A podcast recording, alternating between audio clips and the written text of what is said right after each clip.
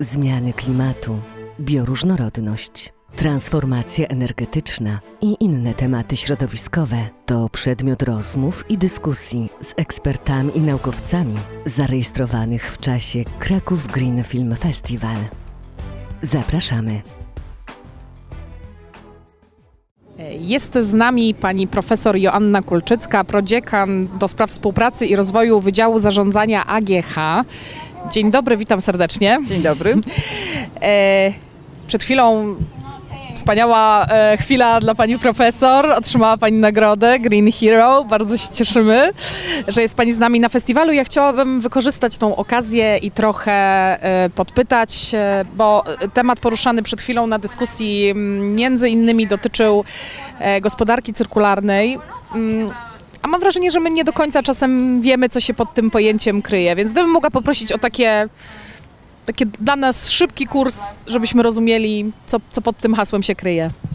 Rzeczywiście jest tak, że nawet jak uczymy studentów, to tych pojęć różnych dotyczących zarządzania środowiskowego, czy w ogóle ochrony środowiska mamy dosyć dużo, no bo mówimy o zrównoważonym rozwoju, mówimy o celach zrównoważonego rozwoju, mówimy o społecznej odpowiedzialności biznesu, w którym też są części ekologiczne, no i w końcu mamy gospodarkę o obiegu zamkniętym i gospodarka o obiegu zamkniętym to już taki nowy model e, gospodarczy, czy też rozwoju społeczno-gospodarczego, w którym szczególnie szczególnie zwracamy uwagę na zasoby, na wykorzystanie naszych zasobów, ale takie wykorzystanie, takie racjonalne wykorzystanie zasobów dążymy do tego tak, aby minimalizować ilość wytwarzanych odpadów.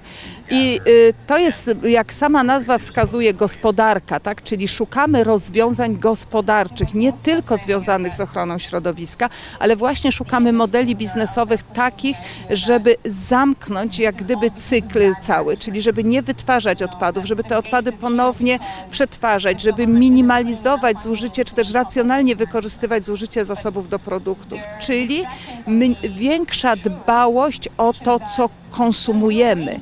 Tak? Dlaczego? Pytanie dlaczego? No dlatego, bo y, tak jak tutaj napisane, there is no planet B, tak? Czyli mamy sytuację taką, że zasoby, z których korzystamy, one mogą się kiedyś skończyć albo mogą nie być tak łatwo dostępne, tak? Mogą być drogie. E, mogą być rzadkie. E, w tym momencie już w politykach wielu krajów, również w polityce polskiej mówimy o dostępności chociażby surowców mineralnych. Tak? Mamy surowce kluczowe, mamy listę surowców e, kluczowych, więc w związku z tym no, obawiamy się, że może nam tych po prostu zasobów nie wystarczyć. No i teraz w związku z tym pytanie, jak my, tacy, bym powiedziała, codzienni użytkownicy wchodzimy w tą gospodarkę? Gdzie tu, gdzie tu nasza rola? Jak możemy się do tego przyłożyć? No właśnie, co konsument może zrobić? No co konsument może zrobić? Konsument może mieć mniej tych zasobów, no ale konsument chce żyć coraz lepiej, tak? No to chcemy mieć y, rzeczy, y, chcemy mieć rzeczy, ale jakie rzeczy możemy mieć? Możemy mieć rzeczy y, bardziej o lepszej jakości, tak? Trwalsze.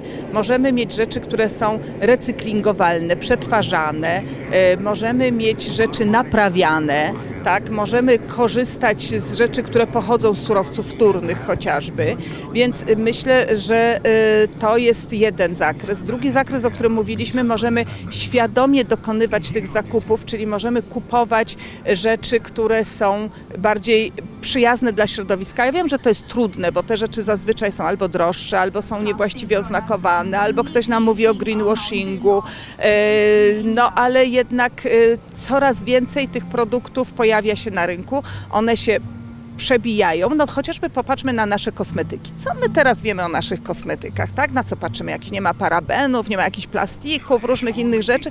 Zobaczmy, jak pięknie biokosmetyki się rozwinęły, jakie dają nam ogromne możliwości. No przecież to są właśnie działania, czy też modele biznesowe gospodarki o obiegu zamkniętym, gdzie e, no tak naprawdę w tym procesie produkcyjnym na tych biokosmetykach, e, czy e, wykorzystujemy chociażby różnego rodzaju pestki z kiwi, czy różne inne rzeczy do, do, do błyszczków, do ust i tak dalej, i tak dalej. Więc, więc myślę, że potencjał jest ogromny, tak? Jeżeli ten klient, jeżeli ten konsument będzie świadomy i będzie wybierał te produkty, to one będą po prostu produkowane, na nie będzie zapotrzebowanie. To w związku z tym tego konsumenta należy jakoś do tego e, e, przekonać.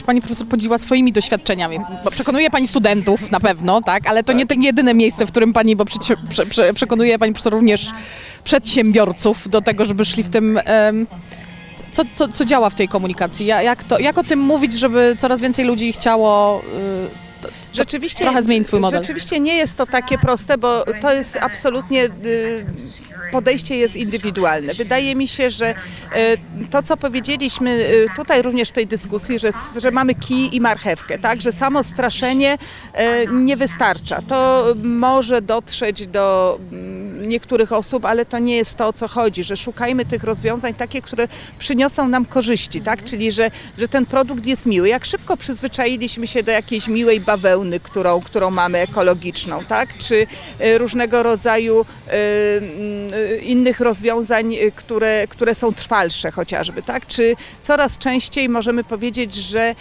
wypożyczamy pewne rzeczy, że użytkujemy pewne rzeczy, że ich nie musimy, nie, niekoniecznie je musimy posiadać. Jak popatrzymy na młodzież, to rzeczywiście tak się dzieje. Czy y, nie mówimy tak już szybko o środkach trwałych typu meble czy inne rzeczy, ale wiele rzeczy jednak potrafimy czy też pożyczyć, czy też jak gdyby kaskadowo wykorzystać, tak? Oddajemy sobie, żeby je ponownie, żeby, żeby ponownie skorzystać. Takim przykładem są chociażby już na zachodzie takie sieci sprzedaży, czy też takie zasady sprzedaży ubranek dla dzieci, gdzie tam płacimy pewną kwotę i, i te pakiety tych ubranek dostajemy, potem je zwracamy i tak dalej, i tak dalej. Więc, więc wiele tych, że, tych nowych modeli biznesowych powstaje i one myślę, że wśród młodzieży się dynamicznie będą rozwijać.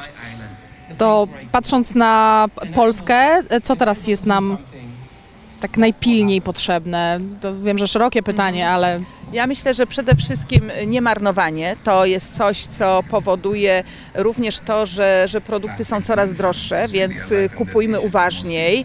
E, Ten dostęp do tego produktu czy produktu spożywczego jest, jest dość szybki. To niemarnowanie żywności e, jest chyba jednym z największych wyzwań, które może być, ale też takim wyzwaniem, które można, wydaje mi się, bardzo szybko zrealizować. E, Gospodarka opakowaniami, tak, czyli świadomy wybór y, mniejszej ilości opakowań, toreb plastikowych, doboru produktów z mniejszą ilością opakowań, bo i tak chcemy mieć to, co jest w środku, tak, czyli, czyli y, tutaj do konsumenta w tą stronę. E, Kolejny obszar taki dość mocno, gdzie możemy mm, pewne rzeczy wdrożyć, to jest oczekiwanie coraz lepszego transportu, który jest. Widzimy UTO, widzimy, że transport miejski jest y, bardziej ekologiczny, przyjazny, szybciej, czasem bardzo szyb, szybciej się można dostać, więc y, podnoszenie jakości tego typu produktów to jest to, to jest to, o co chodzi. No to są te rzeczy na wejściu, a na wyjściu no to rzeczywiście ta segregacja, świadoma segregacja odpadów.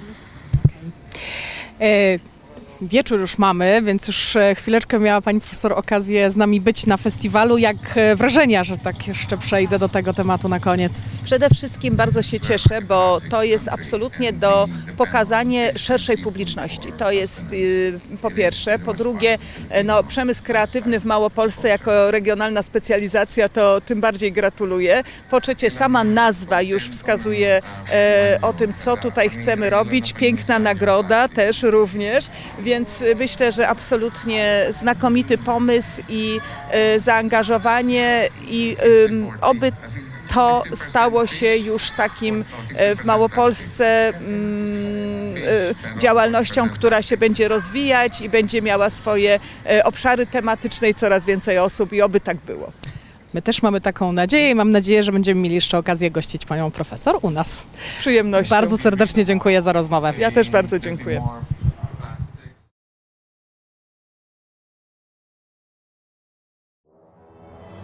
Dziękujemy za wysłuchanie Green Festival Podcast.